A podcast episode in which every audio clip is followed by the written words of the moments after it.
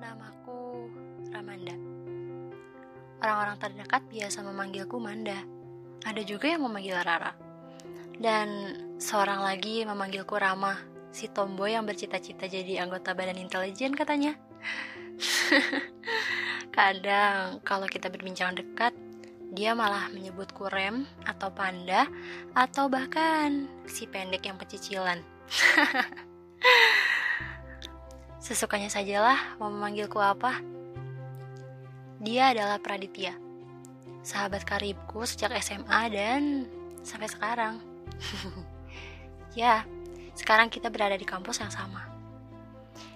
Panggilan akrabku kepadanya adalah Didit.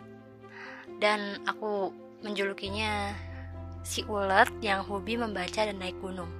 Atau kecoa terbang, karena dia suka tiba-tiba hinggap di tirai kamarku dia adalah orang yang paling puitis dan tercengeng sekota Bandung.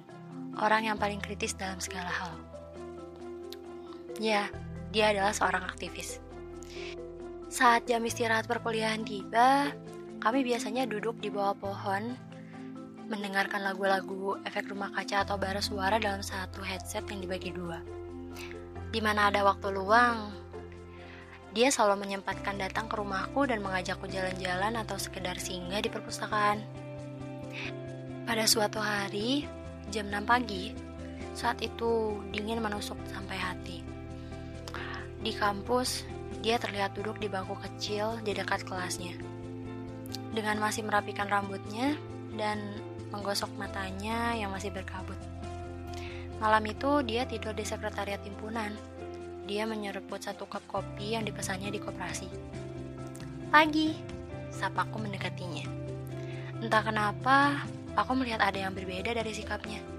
Dia tidak seperti biasanya. Wajahnya memucat, bibirnya nampak kering dan putih. Kamu lagi sakit? Tanyaku sedikit cemas. Dia tak menjawab. Dia mengeluarkan buku dari tasnya tanpa menanggapi aku yang ada di sampingnya. Udah sarapan? Akhirnya dia menggubrisku. Udah kok, katanya dengan senyuman aneh. Bohong, sanggahku. Kamu kan baru bangun, aku tahu itu. Dia membisu lagi. Ah, aku menyerah. Entah apa yang terjadi, yang akan datang dan menimpanya kali ini. Oh iya, bulan depan aku dan kawan-kawanku mau ke Tangkuban Perahu. Kamu ikut ya? Ujarnya mengajakku. Aku tak tahu tapi saat itu radarku mengatakan, "Iya." Boleh, kamu atur aja lah. Jawabku menyanggupi ajakannya itu. Dan sampailah kita di bulan November. Kami mendaki dan aku mengajak Rinti, sahabatku yang satu prodi.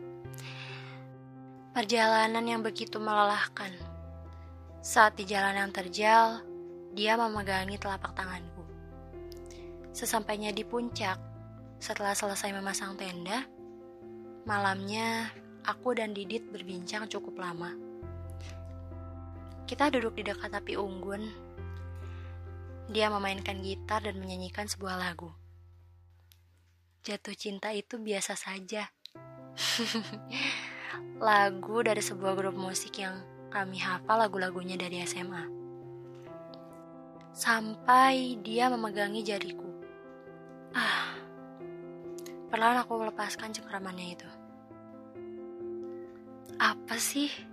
Tanyaku sedikit salah tingkah. Dia seperti grogi sambil menelan ludahnya. Ada-ada saja dia. Dan aku, aku hanya bisa menunduk dan miskin kata. Jadian yuk, katanya dengan tiba-tiba. Ish, haruskah secepat itu? Dia bilang. Tapi sebenarnya, enam tahun pertemanan kita bukanlah waktu yang sebentar. Dan dia anak yang baik. Aku sangat kenal dia. Dia sangat baik. Ke, ke, kenapa, kenapa harus aku? Dan Dengan simpel, dia bilang, kalau perasaan harus diungkapkan beserta alasannya, itu bukan sebuah kasih sayang kan? Ya, malam itu aku berpikir sangat panjang, sangat dalam, dan begitu curam. Apa yang akan aku dapatkan kalau kita pacaran? Tanyaku. Ya, ini bukan soal materi, tapi komitmen tidak hanya cukup melibatkan dua hati kan? Kesepian, katanya, tanpa kekangan, tanpa cemburu yang berlebihan.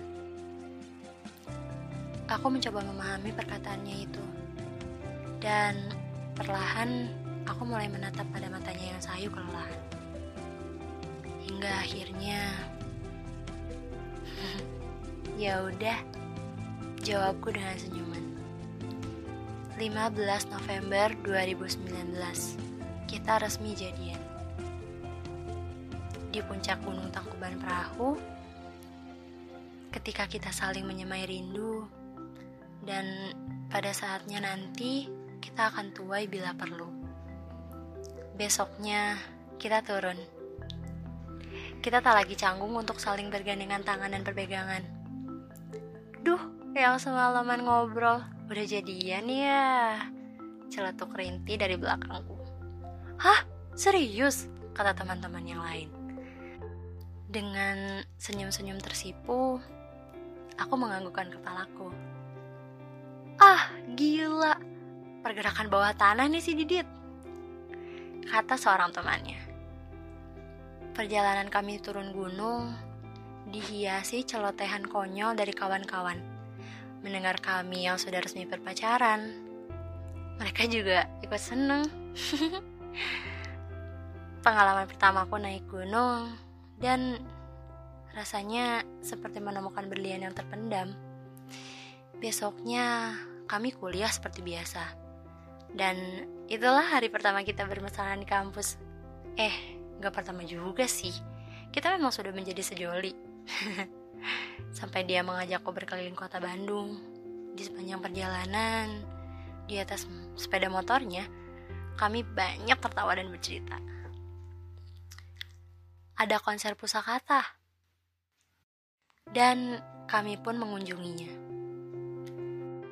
Dia dengan jaket gunung dan kacang rebus yang kami makan berdua. Dan aku merasa dia lebih mesra dari biasanya. Dia menyuapiku.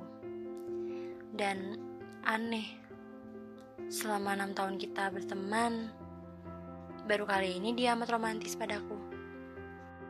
Hingga pada beberapa hari setelah itu, dia mengajakku ke rumahnya. Aku sering datang ke sana, dan aku sudah cukup dekat dengan keluarganya. Sampai dia memperkenalkan aku sebagai kekasih barunya pada seisi rumahnya. Kalian tahu reaksinya? Mereka tak percaya. Apalagi Ardita, kakak perempuannya yang bertanya, Yakin mau sama si Didit, hah? Dengan nada bercanda. Dia dengan polos menjawab, Ya pasti mau lah, aku pintar. Nggak kayak mbak tuh yang dipintar-pintarin sama cowok-cowok. Aku sedikit ngakak mendengarnya.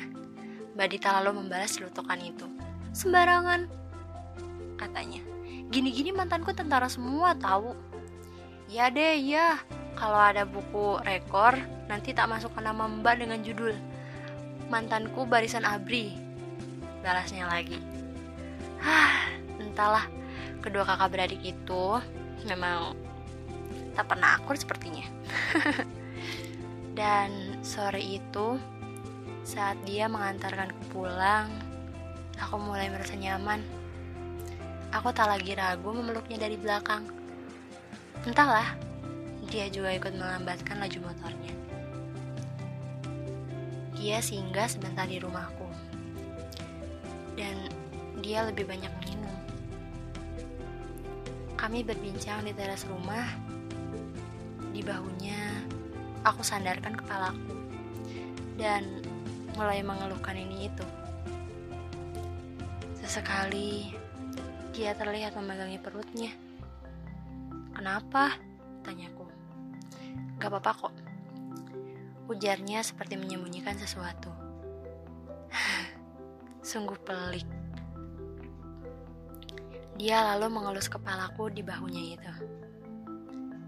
Dan tiba-tiba dia bertanya yang sedikit membuatku kesal.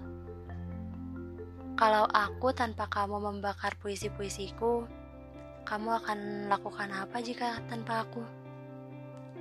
Hah? Tanyaku. Apa ini? Dia lalu terdiam. Kami berdua kemudian rikuh satu sama lain. Dan tak lama kemudian, dia berpamitan padaku. Aku pulang dulu ya, katanya sambil berjalan mendekati motornya. Dia menatapku dengan aneh. Entah berapa cinta yang ia himpun dalam matanya. Seolah dia memberi salam perpisahan dan air mataku tanpa sadar mengalir begitu saja. Dan matanya pun ikut berkaca-kaca. Ah, isyarat apa itu sebenarnya? Lalu malamnya, aku merasa ada yang hampa. Dia tidak mengirimkan WhatsApp seperti biasa. Statusnya pun tidak terlihat muncul. Apa dia memprivasikannya kepadaku? Ya, Raditya, kau membuatku cemas malam itu. Sampai pukul 4 pagi esoknya, baru saja aku menyalakan data di ponselku. Rinti sudah 10 kali menelponku pesan-pesan dari grup yang berisik semalaman. Pesan Rinti terhalangi. Ra, Didit masuk rumah sakit. Dia punya tumor otak stadium 4, katanya. Aku amat tercengeng. Jadi, kemarin sore itu Aku lekas mandi, berpakaian, dan langsung menuju ke rumah sakit. Sesampainya di sana, aku melihat ibu, ayah, dan kakaknya, Mbak Dita, tengah menangis dan bergandengan tangan saling menguatkan. Di kursi ruang tunggu, aku mendekati mereka. Di sana juga ada Rinti dan beberapa kawannya yang ikut terseduh sedan. Dengan panik, aku mendekati Rinti. Ada apa, Rin? Jawab, ada apa, Rin? Sampai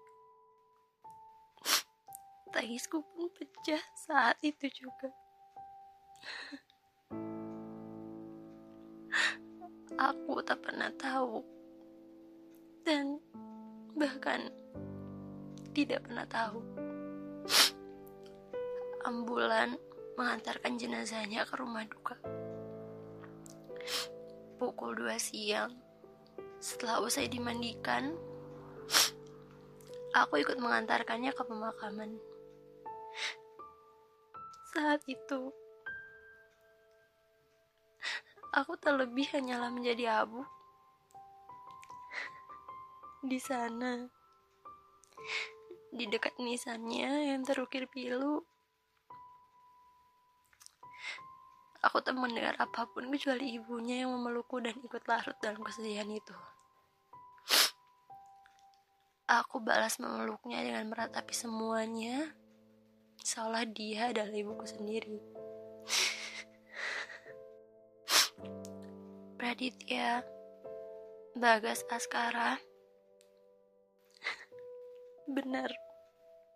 Benar